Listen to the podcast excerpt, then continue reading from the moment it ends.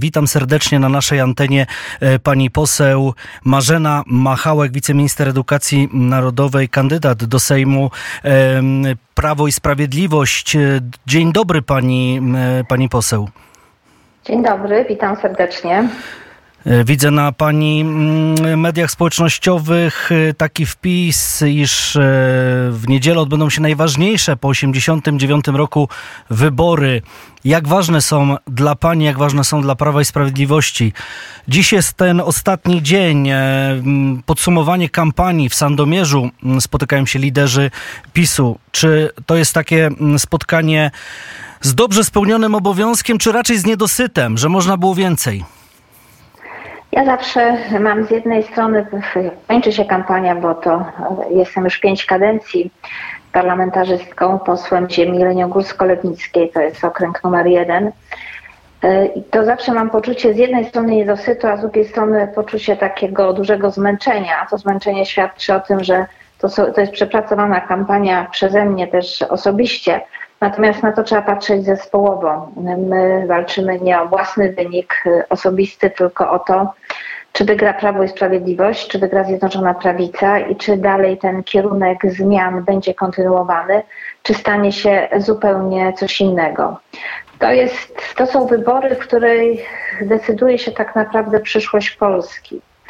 E, decyduje się przyszłość poszczególnych Polaków, ale Polski też jako państwa suwerennego, naszej ojczyzny, która jest ojczyzną, która się może dobrze rozwijać, dynamicznie rozwijać. Ludziom może być lepiej i to nie jest slogan, bo wszystkie świadczenia, które związane są ze świadczeniami społecznymi, 500, a teraz zapowiedziano 800, plus, a także zmiany wynagrodzeń, rozwijająca się gospodarka, to świadczy o tym, że można Polskę prowadzić we właściwym kierunku, mimo trudności, jakie były, a więc y, pandemia, wojna, ale też Polska może się rozwijać, ale to, co jest najważniejsze, zachowujemy niezależność, zachowujemy godność jako państwo y, i walczymy o nasze interesy narodowe.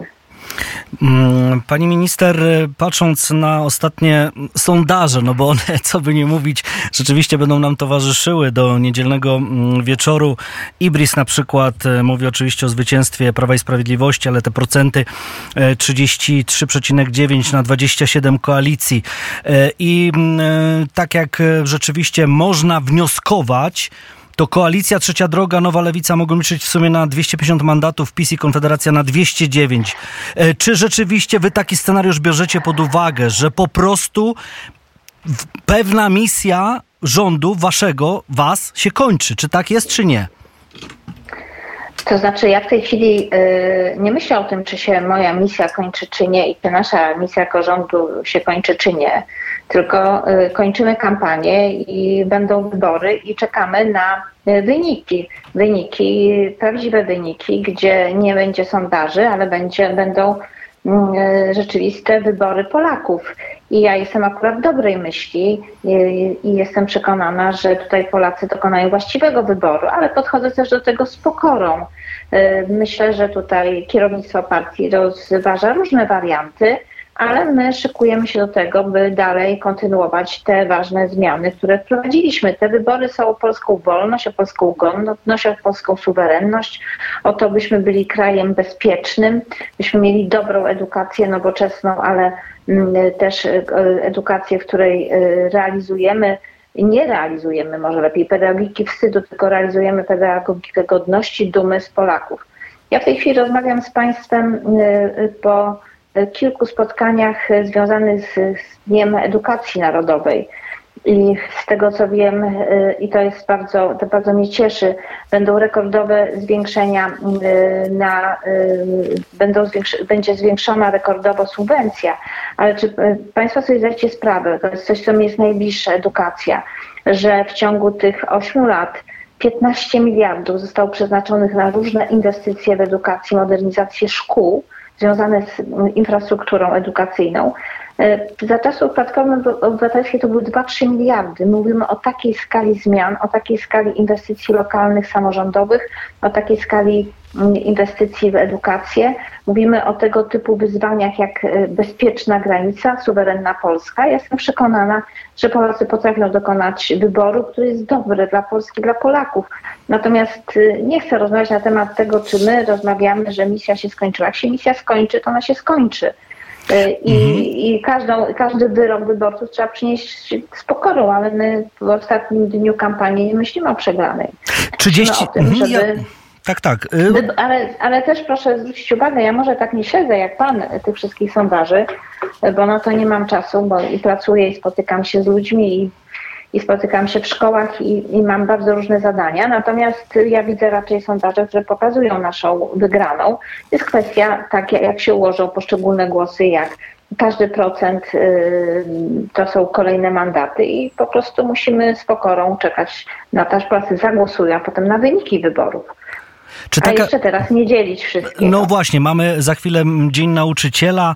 E, koalicja proponuje 30% podwyżkę dla nauczycieli. E, czy to rzeczywiście może być taka taryfa przetargowa, jeśli chodzi o edukację? Czy tak jak teraz wyglądają nasze szkoły, jak się edukują dzieci w podstawówkach, w szkołach średnich, to jest e, według Pani ten stan bardzo taki, jak powinien być? Czy na przykład spotyka się Pani nie z opiniami, że... No właśnie, nie, nie, ale czy spotyka się Pani z opinią, że na przykład e, program jest przeładowany, że dzieci są y, przebodźcowane, że tego jest za dużo, że nie mają czasu na, w domu na, nie wiem, zabawę z, z, z rodzeństwem, na, na jakąś luźniejszą formę z rodziną, bo cały czas nauka, nauka i tak dalej. Czy spotykała się Pani z, jako bardzo, minister, bardzo minister edukacji? Bardzo tematu Pan dotknął i bardzo skomplikowanego akurat tematu, którego, którym się bardzo zajmuję. To, że dzieci są przebodźcowane, przepracowane, przyczyn jest wiele.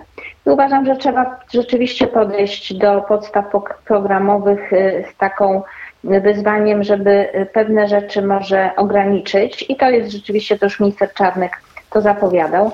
Natomiast przepracowanie, przebodźcowane, nie, problemy psychologiczno-pedagogiczne uczniów, które są rzeczywiście, i przypomnę, że 2,5 miliarda przeznaczyliśmy na dodatkowe wsparcie specjalistów do szkół i placówek oświatowych tylko w ciągu ostatniego roku. A te problemy są skomplikowane. Te problemy wynikają po pierwsze z tego, że my jesteśmy bardzo aspiracyjnym społeczeństwem i rodzice bardzo mocno inwestują w edukację dzieci i oprócz szkół, szkoły to dzieci są na rozlicznych zajęciach dodatkowych. Proszę zobaczyć, że to jest na powszechne zjawisko. Rodzice bardzo chcą, żeby dzieci były jak najlepiej wykształcone, żeby się wszechstronnie rozwijały, żeby uprawiały sporty. Te dzieci są bardzo mocno zajęte, nie tylko z powodu zadań domowych, ale też ambicji rodziców. Ja je rozumiem, ale w tym wszystkim trzeba znaleźć złoty środek. Nie jest to czas na akurat pogadanki pedagogiczne. Umiar, też umiar, ale prawda? To jest, ale to mhm. jest skomplikowane i teraz proszę zwrócić uwagę, że w całej Europie dzieci borykają się z kryzysami psychologicznymi. Wynika to innymi ze zmian cywilizacyjnych, wczesnego dostępu do internetu, z zbytniego pozostawienia dzieci samych sobie, też zbytniego też oczekiwania, wysokich oczekiwań, jakie mamy wobec naszych mm, dzieci, więc we wszystkim trzeba zachować umiar. To bardzo ważna jest świadomość psychologiczna dzieci, rodziców, ale większość kryzysów, jakie dzieci przechodzą, wynikają też z zaburzeń relacji, relacji w rodzinie.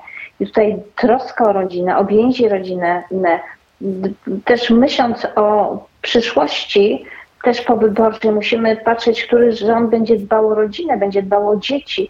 Dzieci się nie wychowają tylko w szkole. Pierw musi być dobra rodzina, później szkoła, dobrze przygotowany nauczyciel do pracy i wtedy y, możemy uniknąć wielu kryzysów, aczkolwiek mamy zmiany cywilizacyjne, które bardzo negatywnie wpływają na kondycję psychiczną, fizyczną dzieci. Poza tym jesteśmy po ogromnym doświadczeniu pandemii. Dzieci pozostały wyizolowane w domach, często bez relacji z rówieśnikami i okazuje się, że nie wszystkie dobrze się odnajdują po tym czasie w szkole. Więc problem jest skomplikowany, aczkolwiek uważam, Poza tym chcę powiedzieć, że dokonaliśmy ogromnych nakładów. Tak jak powiedziałam, 2,5 miliarda dodatkowych środków na pomoc psychologiczno-pedagogiczną, miliard 400 milionów na branżowe centrum umiejętności, absolutnie nowe e, placówki w systemie oświaty.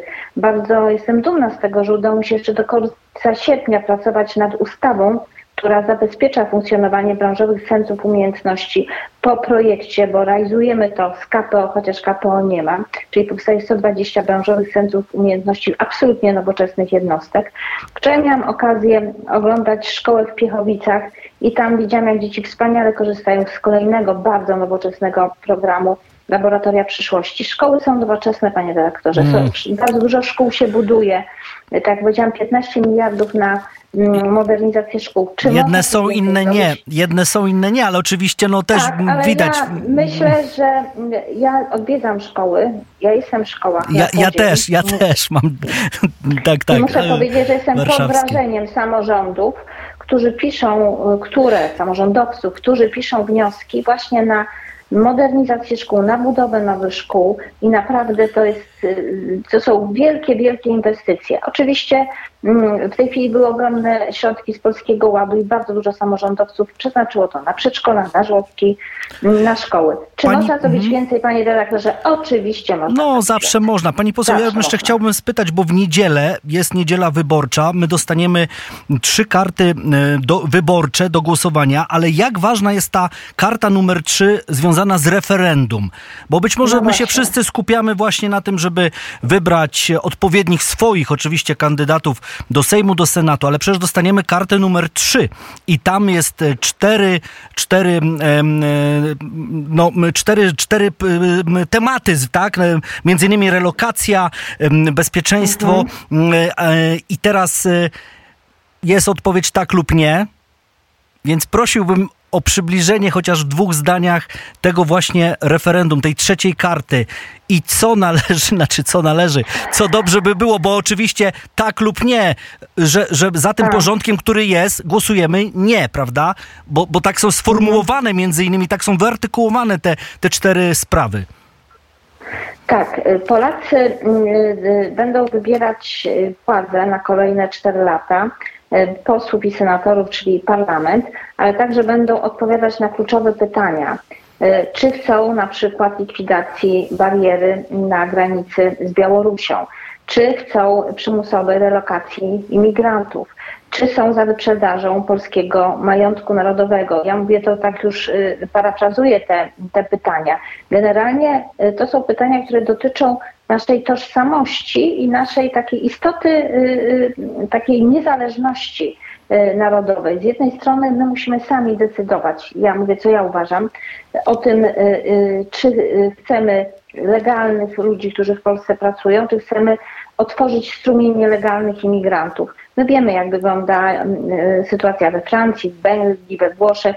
My na szczęście możemy chodzić wieczorami na spacer, z czego się możemy tylko cieszyć. Jesteśmy w Polsce bezpieczni. I to są odpowiedzi, które moim zdaniem dla Polaków są oczywiste, ale yy, też gdyby, ale to też musi być mocny mandat dla władzy, jak ma realizować swoją politykę w Unii Europejskiej, jak ma podejść do przymusowej relokacji migrantów, jak mamy podejść do naszego majątku narodowego, który jeszcze nam pozostał po tej zbójeckiej prywatyzacji w latach przełom lat 80., 90., jak mamy podejść do sprawy bezpieczeństwa polskiej armii, mm, inwestycji w polską armię. To są podstawowe, zasadnicze i kluczowe pytania i zachęcam wszystkich do udziału w referendum i zagłosowaniu za polską racją stanu. Powiedziała e, pani poseł Marzena Machałek, wiceminister edukacji, kandydatka e, do Sejmu z listy Prawa i Sprawiedliwości. Dziękuję pani poseł. Dziękuję, pozdrawiam serdecznie, dobrego popołudnia. Pozdrawiamy, dziękujemy bardzo.